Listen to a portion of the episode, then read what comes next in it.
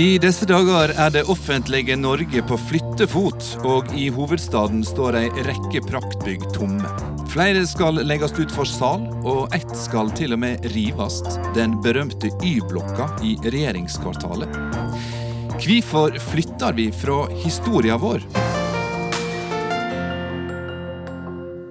Ja, Velkommen til ei ny utgave av Disse dager på NRK P2. Både til deg ved radioen og til publikum her på Skatten i Oslo.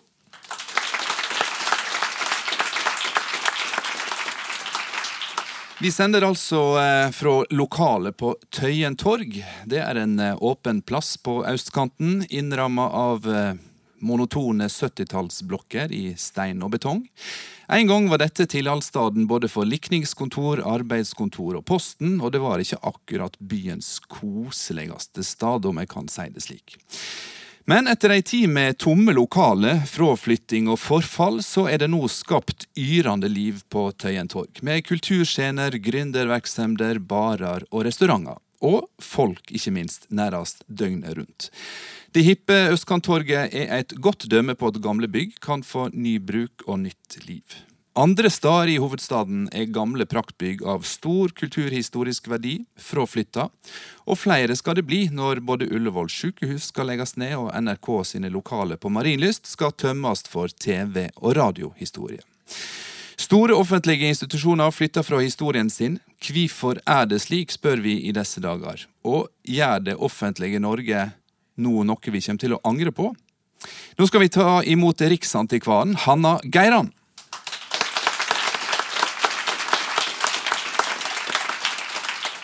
Velkommen, Hanna. Aller først, kan vi gjøre opp status for tomme og fraflytta bygg i hovedstaden? Statusen for det er jo egentlig nokså begredelig. Vi har en lang liste med bygninger som, eh, som nå enten er tomme, eller som kommer til å bli tomme om kort tid. Og det bekymrer jo oss veldig. Vi Hva bygg snakker vi om? Nei, vi snakker bl.a. om Ullevål, som du nevnte. Det er Kunstindustrimuseet, det er Deichmanske bibliotek, gamle bygningen der som skal legges ut for salg. Det er eh, Norges Bank, altså Samtidskunstmuseet. Det er Nasjonalgalleriet, det er Botsen, det er snart Victoria terrasse. Ja, det er en liste som Og vi vet jo om andre flytteplaner også. Så dette er veldig bekymringsfullt, for det er bygninger mange er glad i, som er viktige for oss, som er en del av vår identitet i Oslo og i Norge. Det er store, viktige institusjonsbygg som nå, som nå lever eh, har en, har en fremtid som er veldig uviss. Mm. Det er jo historisk sus over alle de bygningene du nevnte der. Men eh, hva er det som eh, gjør deg så bekymra? Vi er opptatt eh, av at kulturhistoriske bygninger skal brukes. Det er et veldig viktig prinsipp. Bruk er det beste vern. Så er dette bygninger som har betydning for oss. Nasjonalgalleriet f.eks., som står tomt, har hatt en veldig viktig funksjon for Eh, hva skal man si, nasjonsbyggingen. Akkurat som Nationaltheatret har, akkurat som flere av disse bygningene har hatt. Så, så, det at de står tomme og at bruken er uviss, det viser jo at eh, vi ikke er tilstrekkelig oppmerksom på den verdien de bygningene har som fellesskapsbygninger. Men eh, hva er årsaka til at eh, den lista med fraflytta bygg er så lang nå? Det ser ut som det er nærmest en flyttebonanza. Eh, hvorfor skjer alt dette akkurat nå? Nei, Tøm og røm er jo blitt et sånt uh, begrep her. Det, uh, det, er jo ikke godt å si. Det man, uh, det man ser, er at det er veldig stas og flott med nye kulturbygg landet rundt, og, som jo er en god ting. Men vi er jo opptatt av at våre kulturhistoriske bygninger kan brukes og skal brukes og blir ypperlige bygninger hvis man gjør de riktige tingene for å oppgradere dem og modernisere dem. Og vi har jo heldigvis mange gode eksempler på at det går an. Mm. Og Nå snakker vi jo om bygg i Oslo. Dette er jo på ingen måte noe eh, en lokalpolitisk sending om Oslo vi lager. Vi snakker altså om hovedstaden vår, og vi snakker om kulturhistoriske signalbygg i hovedstaden. Hvordan ser dette ut i la oss si, andre nordiske hovedstader?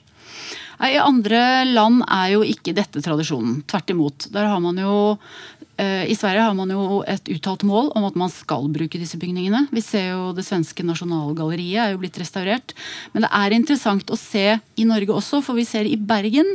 Eh, så har de nå satt i stand og rehabilitert og transformert Naturhistorisk museum på Nygårdshøyden. Og Bergen tinghus skal brukes videre. Så det, det, er fullt mulig, men vi ser altså at i Oslo så er vi nå en tømmerøm, eh, så er status tømmerøm. Og Et av de byggene som er fraflytta, er altså Nasjonalgalleriet, som har husa mye av det største innenfor eh, norsk eh, billedkunst. Eh, det bygget er til forveksling likt Nasjonalmuseet i Helsingfors. Bygd med samme materialer, i samme byggestil. Men de har valgt å bli værende i bygget sitt og har bygd det om og modernisert det. Og sier at det fungerer utmerka. Hva er det med den norske hva skal jeg si, kulturen eller ukulturen som gjør at, at vi flytter fra lokalet og bygger nye, moderne bygg, mens andre ser en annen verdi i å bli værende i historien? Det er jo noe vi i og for seg bare kan spekulere i. Men, men eh, det er en tradisjon eh, andre steder for å eh, ta med seg historien inn i fremtiden. Eh, og så kan man jo, det blir også spekulasjoner, men man, vi vet jo at Norge er blitt en veldig rik nasjon på veldig kort tid. Eh, og det er, en, det er en veldig satsing på nye institusjonsbygg. Som sagt så er det bra. Det er bra med kunst og kultur, det er bra med, bra med den type bygg, men det er fullt mulig å ta vare på det vi har og gjenbruke det. Og det er også veldig lurt i klima- og miljøperspektiv, fordi vi har de bygningene vi trenger stort sett. Kulturminnevern, å ta vare på og gjenbruke, det er sirkulær økonomi. Det handler om å reparere og bruke på nytt, og det er fornuftig. Og vi vet at Oslo er miljøhovedstad nå i dette året, og da er det jo ekstra interessant, syns jeg. Men eh, du sitter her som riksantikvar, og du er jo den personen vi skal vende oss til eh, når vi skal gjøre viktige valg om eh, f.eks. Eh, den delen av kulturarven som er bygninger. Hvorfor har ikke du fått større gjennomslag for F.eks. bevaring av Y-blokka, som dere har vært veldig, veldig engasjert i. Vi skal snakke mer om den etter hvert. Men er du helt uten påvirkning her? Når det gjelder eh, Y-blokka og regjeringskvartalet, så er Riksantikvaren rådgiver for regjeringen. Og er det noe vi har gjort, så er det jo å gi råd. Klare og tydelige råd. Men, ikke blitt hørt. Men det er opp til regjeringen å lytte til dem. Så uh, er det mangt og meget som kan sies om den, uh, den perioden vi har vært igjennom. Vi har vært tydelige helt fra begynnelsen av. Og det var, er jo også slik at det var enighet i regjeringen og Eh, om at Y-blokka og Høyblokka skulle fredes. Rett før attentatet 22.07. Eh, og det er også interessant å se at eh, dette vedtaket om å rive Y-blokka ble gjort veldig tidlig. Og det har man stått på siden, til tross for at sikkerhetssituasjonen er endret. Ring 1 legges mye dypere. Og at vi har kommet med et, altså et forslag til en alternativ løsning, nemlig å å gjøre Y-blokka om til en C-blokk, som vi har snakket mye om, men som heller ikke er blitt utredet. Tenker du at vi nå er i ferd med å gjennomføre vedtak som vi kommer til å angre på? Ja, jeg eh, har jo sagt og mener eh, intenst egentlig at vi angrer aldri på bygninger vi lot stå og satt i stand, men vi angrer veldig ofte på bygninger vi rev. Og eh, vi er nok Har du dømme på det? Nei, altså hvis du ser deg rundt i byen, hvis du ser på Tøyen, her vi er nå. Mm. Eh, det kunne vært et drivingsprosjekt, det. er Lett. Men det er satt i stand, og det er et superkult sted i byen. Det er et sted som alle liker å være, og som eh, genererer folkeliv, eh, forretningsvirksomhet, verdiskaping, futt og fart og fres. Og, og, men som, som er et eksempel på at så kjempebra at vi ikke rev, men at vi tok vare på. Vi skal senere i sendinga uh, gå tilbake i historien i Trondheim og se uh, hvordan en unngikk å uh, rive veldig gammel trehusbebyggelse på Bakklandet. Mellom annet etter sivil ulydnad og husokkupasjon. Folket reiste seg i protest. Nå snakker vi om bevaring av kulturhistoriske bygg i Oslo. Jeg har ikke sett så mange demonstrasjonstog. Noen snakker om at dette er en kulturelite som protesterer for, for vern og mot riving? Ja, jeg, også, jeg ser jo det. Og så lurer jeg på hva er egentlig kulturelite for noe? Er det de som har gått videregående, da? Eller hva, hva er liksom definisjonen på det? Og jeg syns det er et billig knep for å dele debatt, debattantene inn i, i, dem og oss. Mm. Og det er egentlig bare et oss. For det er 80 av si, befolkningen som er opptatt av å ta vare på kulturarven. Men hvorfor er det så få av folket som gjør dette til et folkekrav, da? Det har jo vært utrolig mye skriverier gjennom alle år, fra, med veldig mange ulike stemmer. Riksantikvaren har vært tydelig, men det har jo veldig mange andre også. Og Det er kommet veldig klare, tydelige råd, og det er kommet alternative løsningsforslag. Så dette er en uh, sak som er svært godt opplyst, og som jeg, som sagt, jeg er meget forundret over at uh, man ikke har tatt disse gode rådene til følge. Mm. Hanna Geiran, riksantikvar, du skal få være med oss litt senere i sendinga. Men først så skal vi altså høre hva som er i ferd med å skje med et av hovedverka i norsk modernisme, nemlig Y-blokka i Oslo sentrum. Ting kan forandre seg på et øyeblikk. I juni 2011 var det en full ferdig fredningsbestemmelse for både Høyblokka og Y-blokka i regjeringskvartalet. Det har skjedd noe fryktelig i Oslo. Det har gått av en kjempebombe i regjeringskvartalet. Så kom 22. juli. Regjeringskvartalet lå i ruiner, sammen med fredningsplanene. I helgen ble det klart at eh, Y-blokken i regjeringskvartalet i Oslo skal rives, og det skaper reaksjoner. Området ble hardt råka i terrorangrepet 22.07, og i mai bestemte regjeringa at Y-blokka skal rives. Y-blokka ble oppført som et av regjeringsbyggene da det nye Norge tok form etter krigen. Det er tegna av arkitekt Erling Viksjø, og mange mener det representerer viktig nasjonal historie og har kunstnerisk verdi av internasjonal betydning. Nå står et historisk regjeringsbygg for fall. Men fortsatt er det mange som kjemper for å bevare det spesielle bygget. Riksantikvaren vil stoppe riving av Y-blokken. Hun mener rivesøknaden inneholder alvorlige mangler, og ber derfor om at Y-blokken bevares. Det er kravet fra Folkeaksjonen, som i dag demonstrerte ved blokka. Y-blokka sin skjebne ble først avgjort den 25. mai 2014. Da slo regjeringa fast at den skal rives og at det skal bygges et nytt kvartal hvor regjeringsadministrasjonen skal samles. Det var sikkerhetsspørsmålet som fikk førsteprioritet da avgjørelsen om riving ble vedtatt. For under den ene vingen til Y-blokka ligger bilveien Ring 1.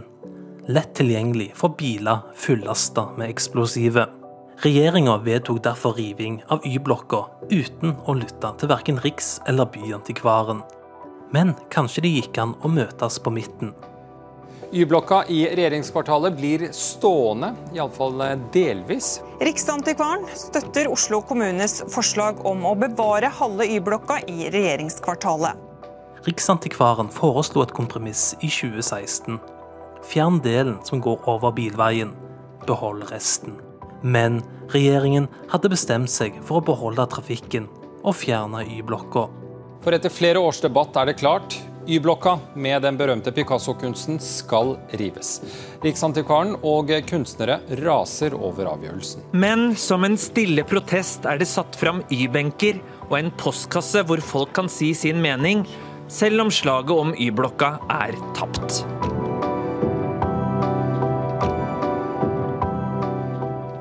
Ja, slaget ser ut til å være tapt, men hva er det som går tapt når rivinga av den karakteristiske Y-blokka blokka i Oslo starta i oktober.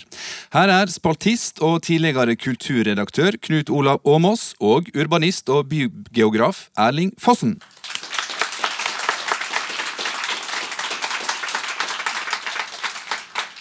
Knut Olav Åmås, du er jo til daglig, eh, og nå kjent som direktør i stiftinga Fritt Ord, men du har lang bakgrunn fra kronikk- og kommentarspalten i Aftenposten. Og nylig skrev du der at du er uroa for det som nå er i ferd med å gå tapt i hovedstaden. La oss ta Y-blokka først. Hva er det vi mister? Mm. Det, det, er historien og kontinuiteten og, og, det modernistiske hovedverket i eh, Oslo og Norge som, som Y-blokker og høyblokker til sammen er, som det er mulig å ta vare på. Eh, jeg er sikker på det kan finnes løsninger. Og ikke minst skulle det være en motivasjon, eh, det som skjedde 22.07.2011 også, å ikke la en terrorhandling avgjøre hvordan vi utvikler byen. Så, så, jeg er litt bekymra for, for, det som er blitt vinnerutkast i det nye regjeringskvartalet også, som jeg, som jeg syns kunne vært mer historiebevisst.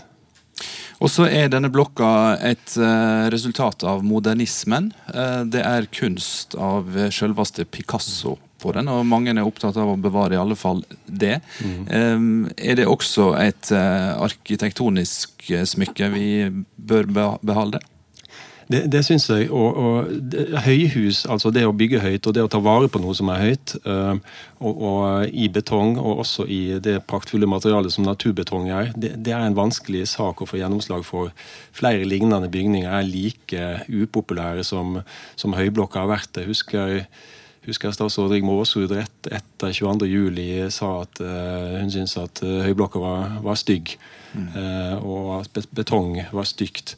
Og, og det mener nok ganske mange, både i eliter og blant folk flest. Så Poenget her er at vi trenger noen tiår for å se hva slags verdi sånne bygninger og den arkitekturen har. Det tar kanskje litt lengre tid enn det hittil har tatt. Og jeg mener eh, kunsten til Carl Nesjar og Picasso det, det, er, det, er, verdifullt og interessant. For meg ville Y-blokka vært eh, verdt å ta vare på sjøl uten den, eh, den, kunsten. Erling Fossen, du kaller deg bydoktor, og du er daglig leder i Oslo Metropolitan Arena, som er eid av store eiendomsutviklere. Du sier at Y-blokka den kan bare rives. Hvorfor syns ikke du den er verdt å ta vare på? Altså, det er to ting. Det ene er jeg er bygeograf bygeograf. Dvs. Si at i utgangspunktet så studerer jeg samfunnsvitenskap. Da er jeg mest opptatt av folk. Og hvis du ser på bruken av områdene rundt regjeringskvartalet, så er det jo Det fungerer Du skal ta i ordentlig, så er det en kreftcelle. At det er en veldig liten passasje i Grubbegata nord-sør. Det er veldig, litt mer ned mot Youngstorget øst-vest. Og sånn sett, når ingenting fungerer i bykroppen altså Når du har et fremmedlegeme, hadde du vært av et menneske, så ville du fjerne det umiddelbart. Og det mener jeg eh, man bør gjøre. Men jeg syns også da at eh, Åmås og til og med Riksantikvaren er veldig historieløse. Hvis du går løs på denne tomta var det, det største opprøret var jo når det var Rikshospitalet og Da var det Empirekvartalet. Det var Christian Grosch første offentlige bygning, Fødselsstiftelsen. Eh, og da var det opprør når man skulle bygge Viksjøs høyblokk og Y-blokk. Eh, og da åpna jo ordføreren åpna jo rådhuset, det var svært folkelig engasjement, og da var det virkelig opprør mot det, men staten ja, gjorde som de alltid gjør. Eh, så hele denne eh, historien om denne tomta her er konflikter. Og den første Henrik Bull bygde jo da Finansdepartementet. Det var én konkurranse. Han fikk da laget det bygget, og så ble det forkasta. Så det er jo det er en kontinuerlig endring på denne tomta er det som er da vesentlig til denne tomta. Og så For meg går det også da, bare til det siste poenget, dette med hva er det som skal vernes? Eh, og Veldig ofte så har vernemyndighetene for meg en, en, si, en, kvantitativ tilnærming, hvor de sier at den eldste steinen vil vi forsvare. Altså I sin tid så forsvarte de Empirkvartalet med nebb og klør. Tapte den kampen. Nå forsvarer de av det de hata for 50 år siden. Eh, og sånn sett så vil de alltid forsvare det som skal bli revet. og Dermed savner jeg da en sånn kvalitativ tilnærming til hvilke kvaliteter har bygg som da bør stå, og eventuelt da eh, fjernes. Men at det bygget er en del av vår historie. Er ikke det en kvalitet i seg sjøl? Ja, men da må den fortelle en, en, god historie. Du kan tenke deg eh, Forteller den en historie om sosialdemokratiet. Eh, forteller den en historie egentlig om da Norge ble nasjon. altså sånn, jeg, forklar, jeg, klarer ikke å forholde meg til den historien som Y-blokka forteller. Eh, og det er ikke bare fordi modernismen i sånn arkitektonisk forstand er jo en relativt utskjelt eh, tradisjon. Men jeg, jeg, jeg, er ikke så enkelt. Jeg syns f.eks. Uh, Hotell 33 er et nydelig ombygd uh, betongbygg. Uh, laboratoriebygget på Ullevål osv. Så, videre.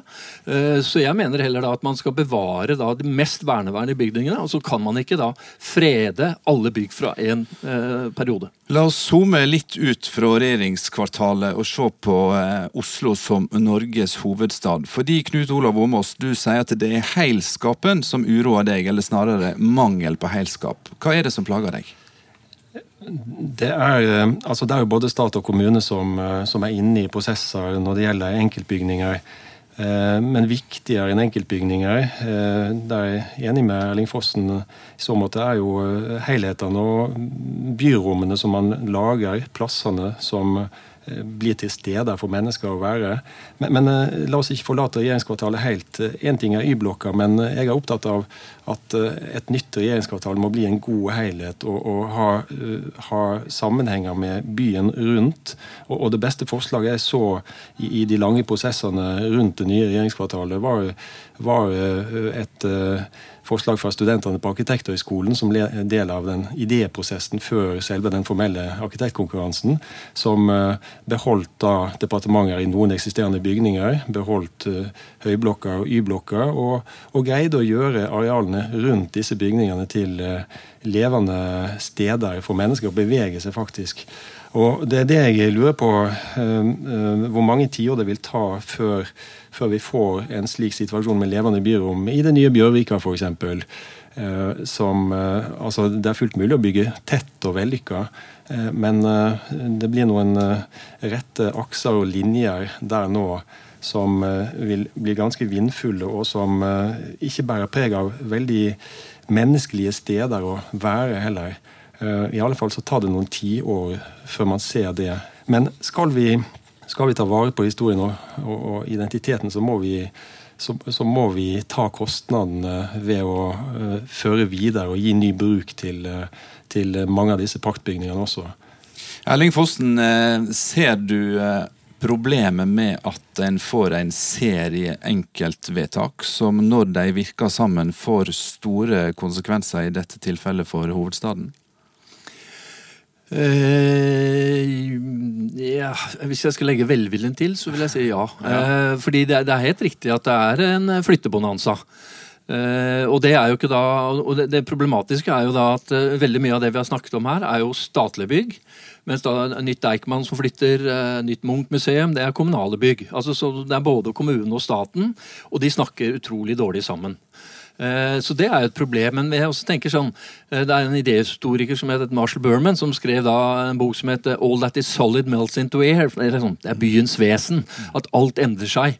Eh, og altså Det overordna byplangrepet for Oslo kommune har, har nå da siden rundt 2000-skiftet vært å utvikle Fjordbyen. Ta fjorden tilbake. Og da syns jeg det er helt greit ja, at institusjoner tenker at ja, da skal vi være der. Det som jeg, jeg syns eventuelt ville vært problematisk, er hvis McDonald's flytter inn i Nasjonalgalleriet. Der går grensen min. Der går smertegrensen min. Altså, men det er jo fullt mulig da å bevare veldig mange av disse byggene. Gi dem eh, ny mening, ny bruk, og dermed også da verne dem. Og Moss, er ikke det slik all utvikling alltid har foregått, enten enkeltvedtakene har vært store eller små? Jo, og en by utvikler seg organisk, men jeg lurer også på om eh, en del av problemet til hovedstaden Oslo skyldes at uh, engasjementet blant uh, Oslos politikere er ganske stort når det gjelder byutvikling og arkitektur, men mye mindre på statlig plan.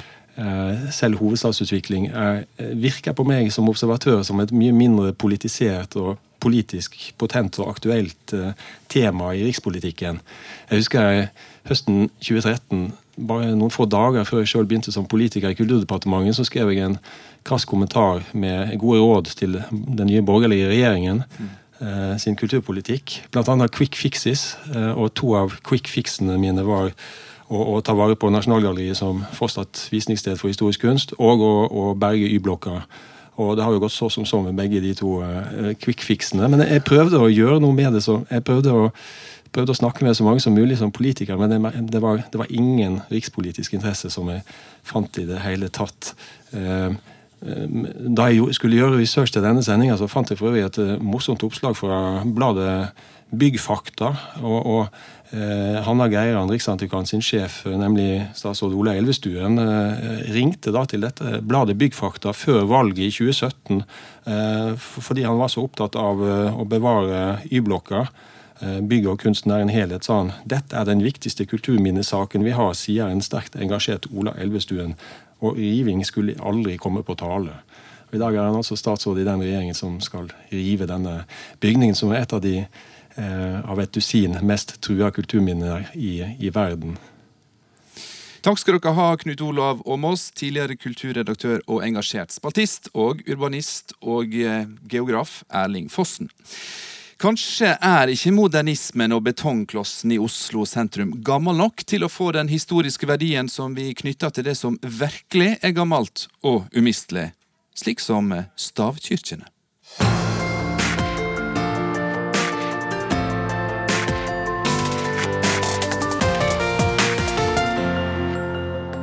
For nå skal vi i disse dager langt tilbake i historia. Nærmere sagt til middelalderen, for den gang var det kring 1000 stavkirker i Norge. I dag er det bare 28 igjen av dem. Og det er bygg som trekker turister fra både inn- og utland, og som vi nå bruker mye tid og penger på å holde ved like. Men hvorfor ender vi opp med å stå igjen med bare 28?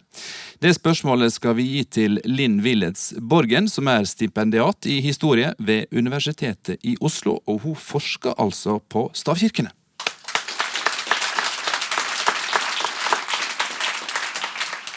Ja, Linn, velkommen. Takk, takk. Ekspert på stavkirker. Hvorfor ble de revne i hopetall? Det er jo en del av dem som forsvant gjennom brann og naturkatastrofer og sånne ting. Ras, f.eks. Men når vi kommer inn på 1800-tallet, så er det jo en bevisst riving eh, som skjer. Og det som jo var mye av forklaringen på det, var at man ønsket seg moderne kirkebygg som var varmere, lysere, mer tidsmessige på mange måter, og som også kunne romme flere mennesker. Eh, og da var det jo mange som mente at disse gamle stavkirkene var utdatert. Ja, for nå er ikke sikkert alle som hører på har vært i ei stavkirke, men en kan vel si at de har noen fellestrekk. De er små. Det er lavt, lavt under taket og trangt mellom veggene, og det er som regel ganske mørkt.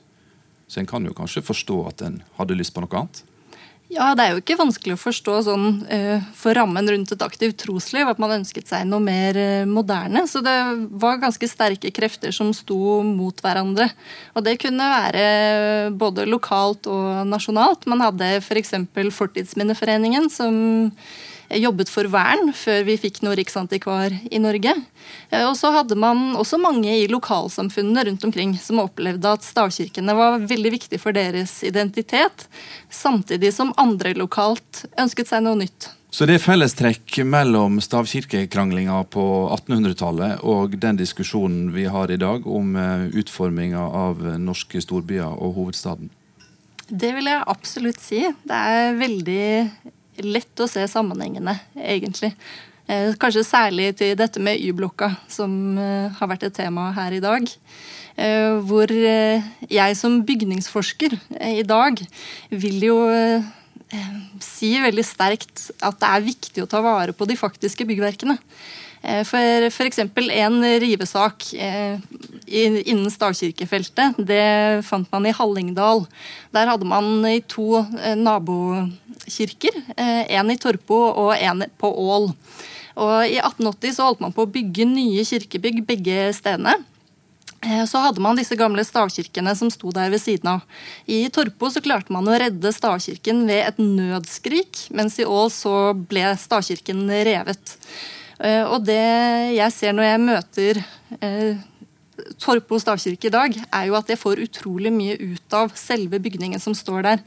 Mens når det da gjelder Ål, som vi dessverre ikke har lenger, så har vi tegninger av hvordan den så ut. Vi har bevarte materialer. Vi har til og med et fotografi av den kirka. Men eh, det er en mye mer begrenset kilde. Mm. Så vi trenger bygningene. Vi har igjen 28 av omkring 1000 stavkirker, og eh, nå var det ikke alle som brant opp eller ble tatt av skred eller revne. Eh, noen ble til og med eksportert utenlands. Ja, Vang stavkirke fra Valdres. Den eh, står i det som nå er Polen, men som den gang var en del av Prøysen. Og eh, Der endte den eh, fordi den skulle rives, men så ble den da reddet av den kjente maleren J.C. Dahl, eh, som fikk kongen av Prøysen til å stille tomt. Og Det er jo et eksempel på at man ofte trenger et blikk utenfra for å se hva som er verdifullt. Det kan hende at man ser ting på litt for tett hold. Ja, dette er interessant, for hva har vi mista med de stavkirkene vi ikke har lenger? Hva har gått tapt der? For det første så eh, har man jo mistet enormt mye historisk materiale. For eh, ofte så snakker vi om historiske kilder som eh, tekst. Riksarkivet f.eks. er fullt av tekstlige kilder. Men bygninger også er historiske kilder. Så her kan vi lære veldig mye om fortiden og hvordan folk levde livet sitt i fortiden. I tillegg så er det jo klart at de stavkirkene genererer veldig mye økonomisk sett lokalt i mange samfunn, fordi de er turistattraksjoner. Eh, og så er det også viktig for lokal identitet eh, for de stedene der de står. Mange som har et sterkt forhold til stavkirkene sine rundt omkring i landet. Mm.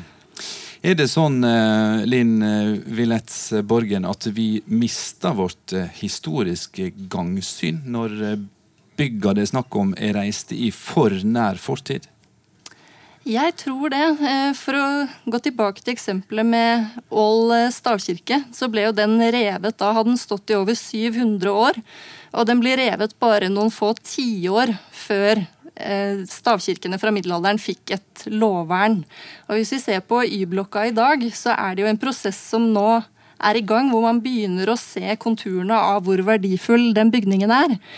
Hvor man rett og slett kanskje trenger tid på seg. Eh, og det er jo selvfølgelig, sånn som når regjeringen nå er i en prosess med å bygge nytt regjeringskvartal, så er det fort gjort at man tenker at man må komme fort i gang, man må ha fremdrift i prosjektet. Eh, men da tenker man på saken i et veldig kort perspektiv.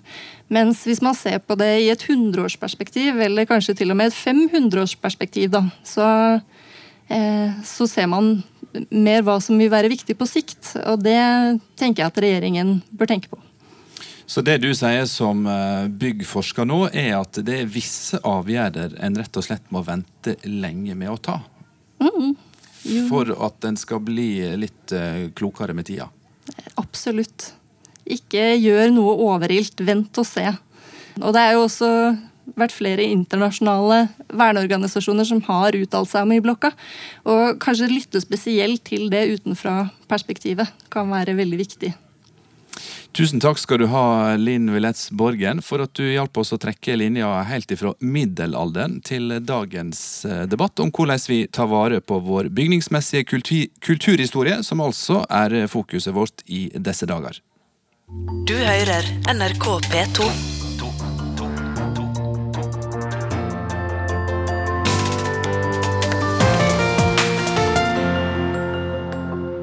Fra eldre historie og flotte kirkebygg som ble rivne i hopetall, skal vi nå til nyere historie og en kamp der aksjonistene til slutt vant fram, og dermed hindra riving av en ikonisk bydel. Vi skal til Trondheim og til Bakklandet, den gamle trehusbebyggelsen langs Nidelven, som i dag framstår som et smykke i bybildet, etter en strid som eh, inkluderte sivil ulydnad og husokkupasjon. Riv skiten, sa enkelte den gangen striden sto, og det var jammen nære på at det skjedde. Barbro Rønning, du er med oss fra Trondheim, der du er scenekunstner og til daglig jobber med dramaturgi på NTNU. Og nå eh, skal du i gang med å lage en film om kampen for Bakklandet. Hva fortelling er det du skal formidle? Nei, Vi har jo lyst til å formidle at det var nære på at det gikk galt, og vi har også lyst til å formidle at uh, det var jo i stor grad et samspill mellom utenomparlamentariske og parlamentariske krefter som gjorde at vi vant. Hvor også sivil ulydighet var jo en viktig del av kampen for å bevare Bakklandet. Og det er jo en fortelling som er aktuell i dag. I dag tar jo skoleungdommer i bruk sivil ulydighet i klimakampen. Så vi syns det er en historie som har selvfølgelig betydning inn i en sånn uh, bevaringsaspekt, men det har jo også en videre politisk betydning på den måten. Mm. Kan du forklare oss litt mer om hva denne sivile ulydnaden eh, bestod i, og, og hvor viktig den ble? Nei, Det som var, det var jo Norsk Veiplan 2 sant, som kom på 60-tallet, og utover 70-tallet så utvikla det seg jo i veldig mange norske byer planer om å rive gamle bydeler for å føre gjennomgangstrafikken utenfor bykjernen og mellom boliger og i utkanten av byen, og varehus på den andre sida av byen, for å si det litt enkelt. Mm. Og I Trondheim var jo Bakklandet da planlagt å skulle bli en firefelts motorvei, hvor det skulle gå 30 000 biler i døgnet gjennom Bakklandet.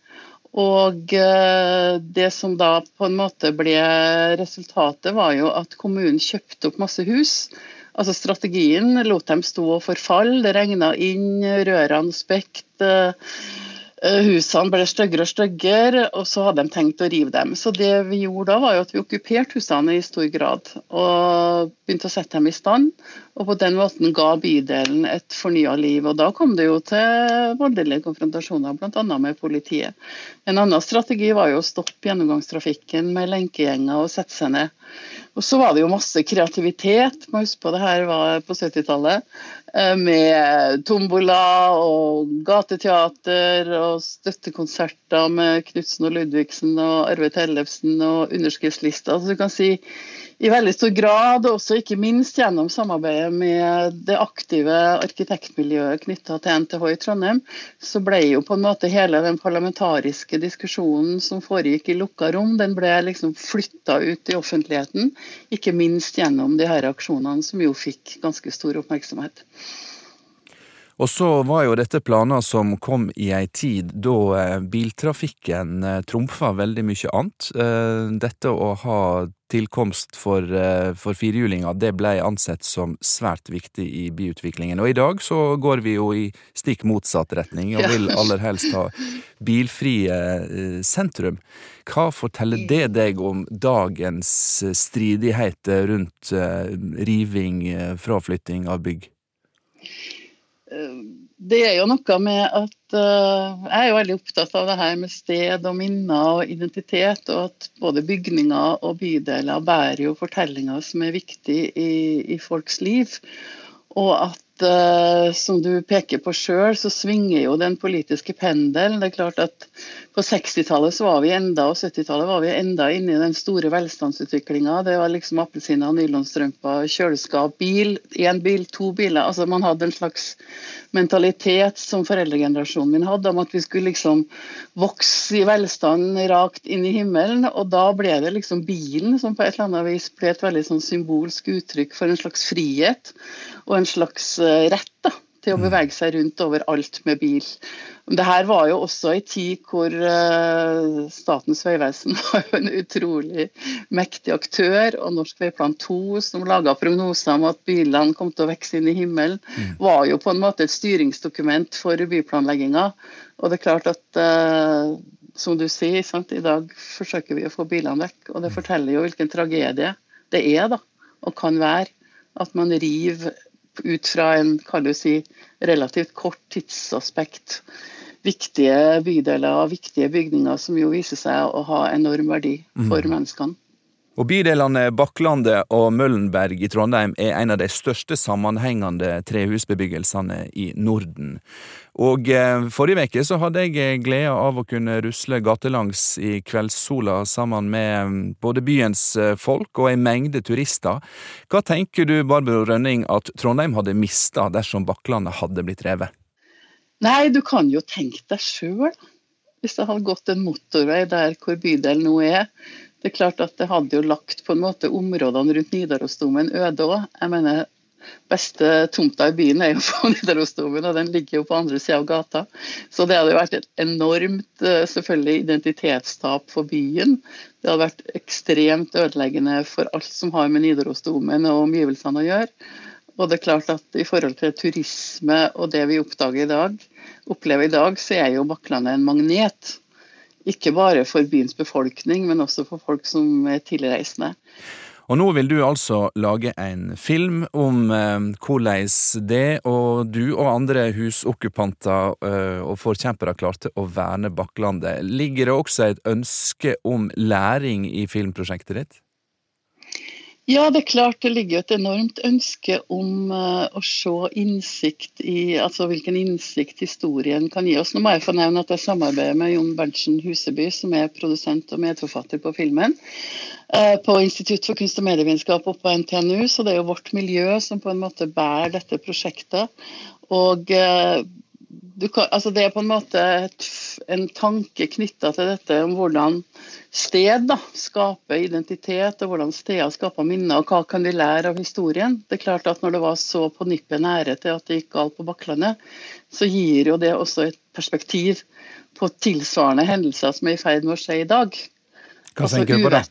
Nei, jeg tenker på Y-blokka, jeg tenker på Rikshospitalet. Jeg tenker på store bygninger som bærer historier og nasjonal identitet, og som på en måte er i ferd med å bli fjerna. Og hva gjør vi med oss sjøl som nasjon, og hva gjør vi med vår identitet når vi gjør sånne ting? Det er jo det vi også forsøker å fortelle noe om, og få folk til å lære noe av den historien som Bakklandet bærer. da og som jo er veldig spesiell. Og det er akkurat dette som er tema for oss her i disse dager. Tusen takk skal du ha, Barbro Rønning, for at du var med og fortalte hvor nær Trondheim var ved å miste trehusbebyggelsen på Bakklandet.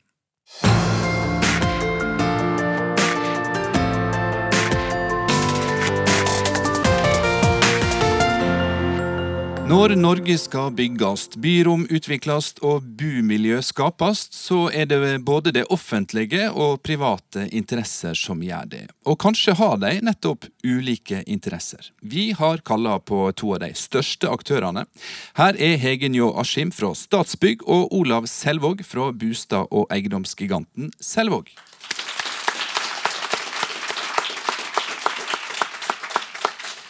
Jeg begynner med deg, Hege. Hva er det Statsbygg sitter på av eiendommer i Norge? Ja, Det er jo ikke lite. Vi er en voldsomt stor aktør i bygg- og eiendomsbransjen. for å si det sånn. Vi opererer på vegne av den norske regjering og er et slags verktøy for dem i alle bygningsspørsmål. Eh, vi eier på vegne av staten da, 2300 bygninger over eh, hele verden. Hele Norge. Eh, masse i utlandet fordi vi har ansvar for ambassader, blant annet. Vi bygger, eller har byggeprosjekter i størrelsesorden ca. 100 per år. Store og mange veldig store, og noen små.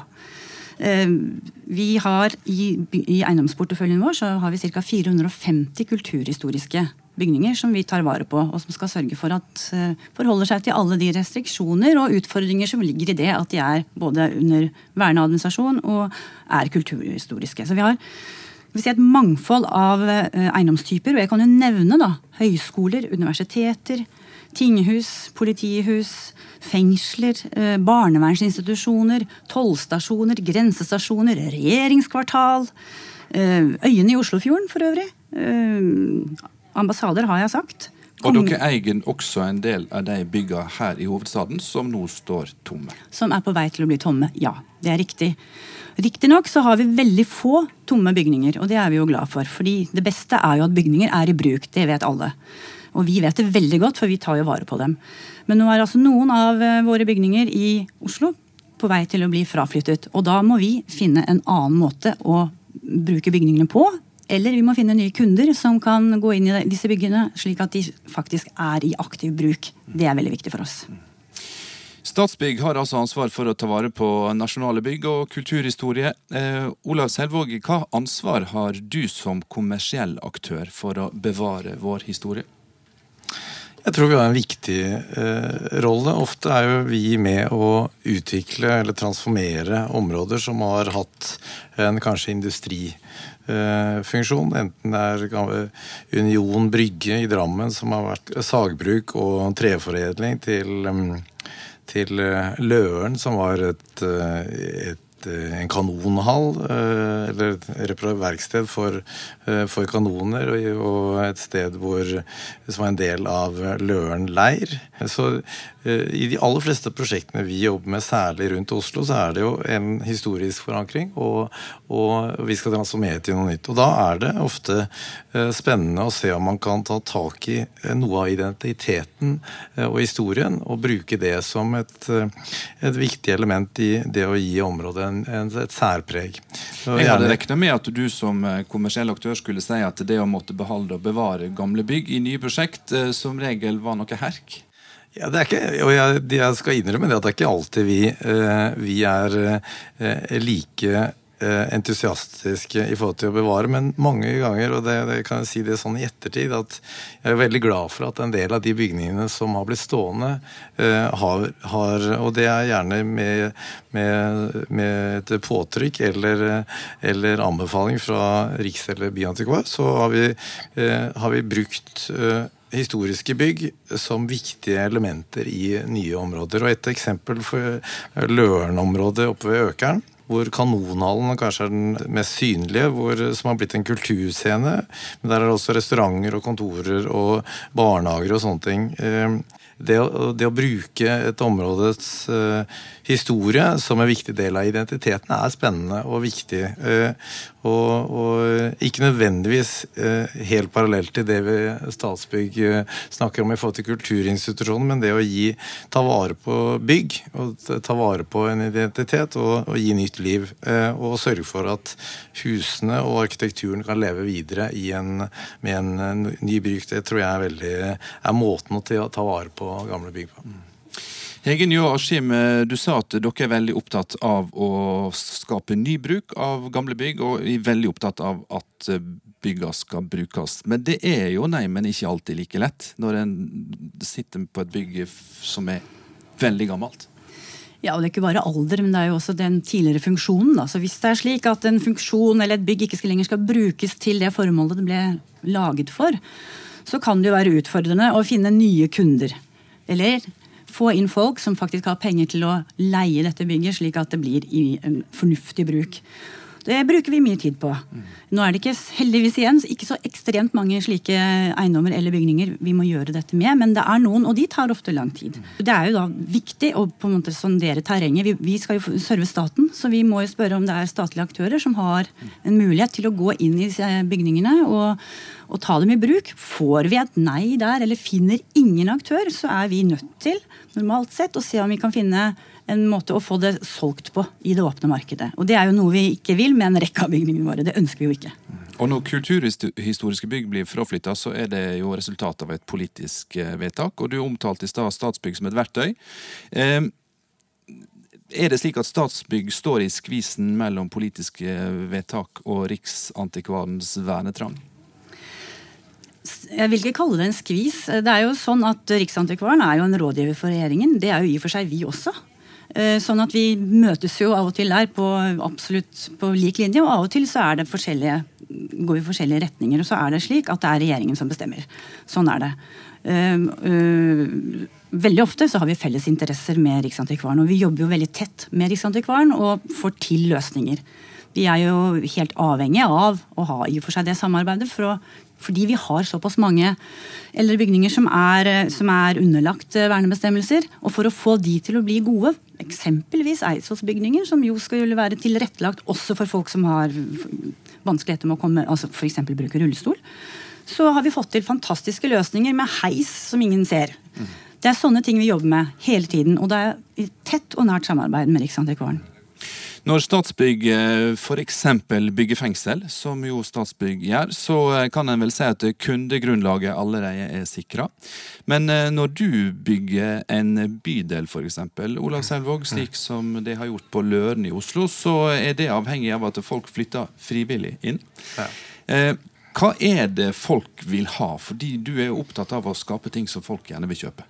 Ja, jeg, I dag så tror jeg folk eh, søker et sted med identitet, sjel, eh, særpreg. Eh, og så ønsker man en liksom, følelse av tilhørighet, et sted som har historie. Og det, det er ikke like lett å skape med nye bygg. Uh, uansett hvor kreativ man er i forhold til uh, det arkitektoniske, så er nye bygg gir ikke alene nødvendigvis dette.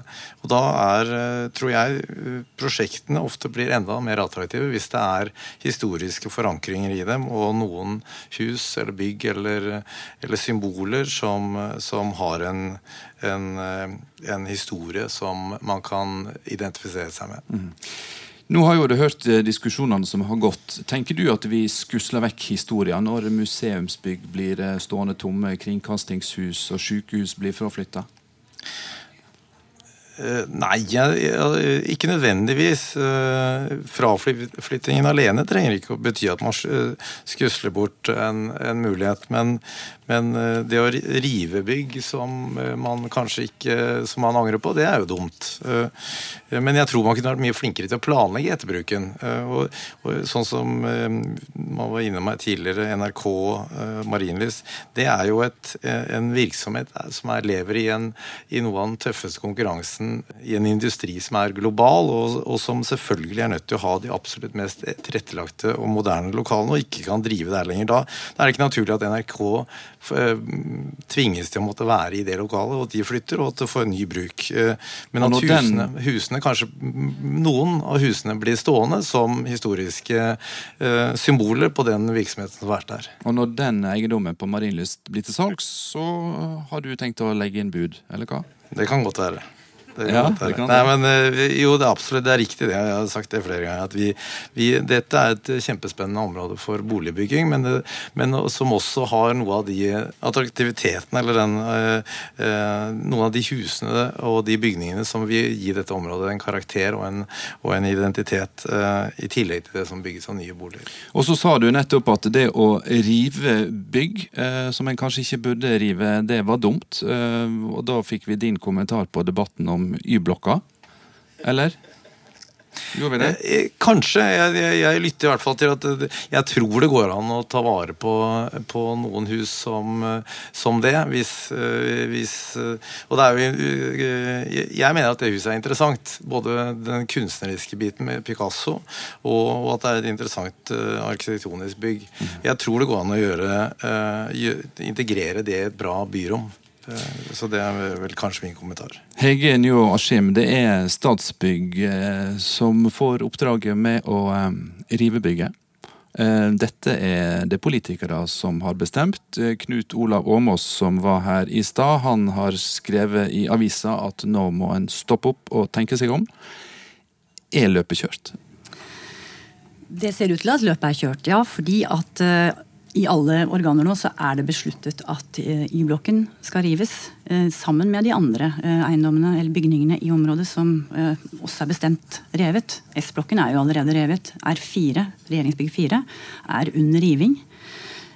Både regjeringen og Stortinget har, har gått for dette. sånn at det gir oss på en måte et signal, et veldig tydelig signal om at vi må gå videre og sørge for at dette blir gjort. Mm. Hvis det nå skulle bli ei kuvending, og Monica Mæland ringer og sier stopp, ikke riv der. Går det da et lettelsens sukk gjennom Statsbyggs lokaler? Det går kanskje et sukk. I alle fall. Et sukk, ok. Greit. Vi stopper der. Tusen takk begge to for at dere kom til disse dager. Hegen Jå Askim fra Statsbygg og Olav Selvåg fra Selvåg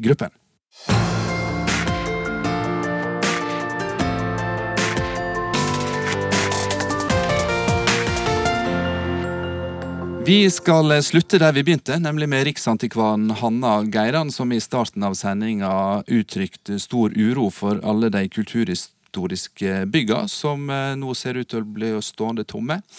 Um, Hanna Geiran, nå har du fulgt diskusjonene her. Uh, hva tanker gjør du deg, kanskje spesielt om det siste vi hørte?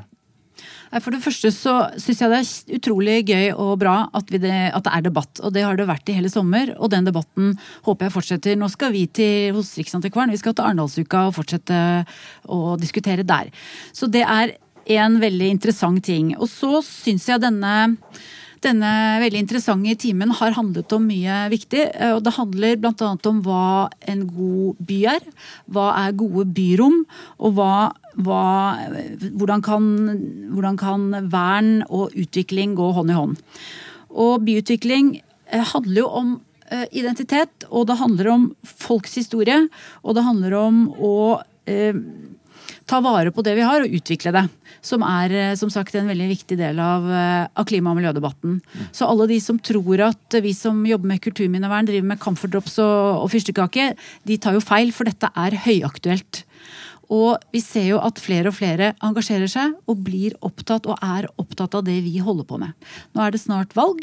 Kanskje kan dette bli en, eh, en bestanddel i valgkampen. Det ville vært veldig moro, fordi kulturarven er en kjempeviktig samfunnsressurs som man eh, både kan eh, tjene penger på, det er knyttet til verdiskaping, og det handler om eh, dypest sett hvem vi er og hvem vi ønsker å være fremover. Ja, og Det vi har snakket om i dag, er jo egentlig politikk og resultatet av politiske vedtak. Og sånn sett resultatet av demokratiske prosesser.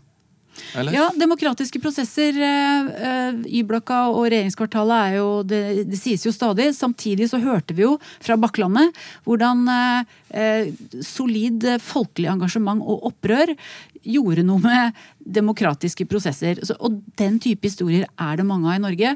Og det er veldig mange steder som har en, eh, som har en historie som Bakklandet med verneengasjement, som vi har stor glede av i dag. Fordi det handler om kulturturisme, det handler om unike opplevelser og verdiskaping. Gjør det inntrykk på Riksantikvaren at en stor eh, privat aktør som Olav Selvåg eh, sier at Y-blokka kan en lett beholde? Det gjør veldig inntrykk på meg, og jeg er veldig glad for å høre uh, han si det at, uh, at eh, gamle og ikke fullt så gamle bygninger tilfører nye områder noe spesielt. Og det, det tror jeg ikke han er alene om. Så når vi sier at det er lønnsomt med vern, så ber vi utbyggere og politikere om å spisse ører. For det er det faktisk, og det har vi jo tall på. Og så opplever vi at pendelen svinger. Det har vært et veldig engasjement for å rive, for å utvikle.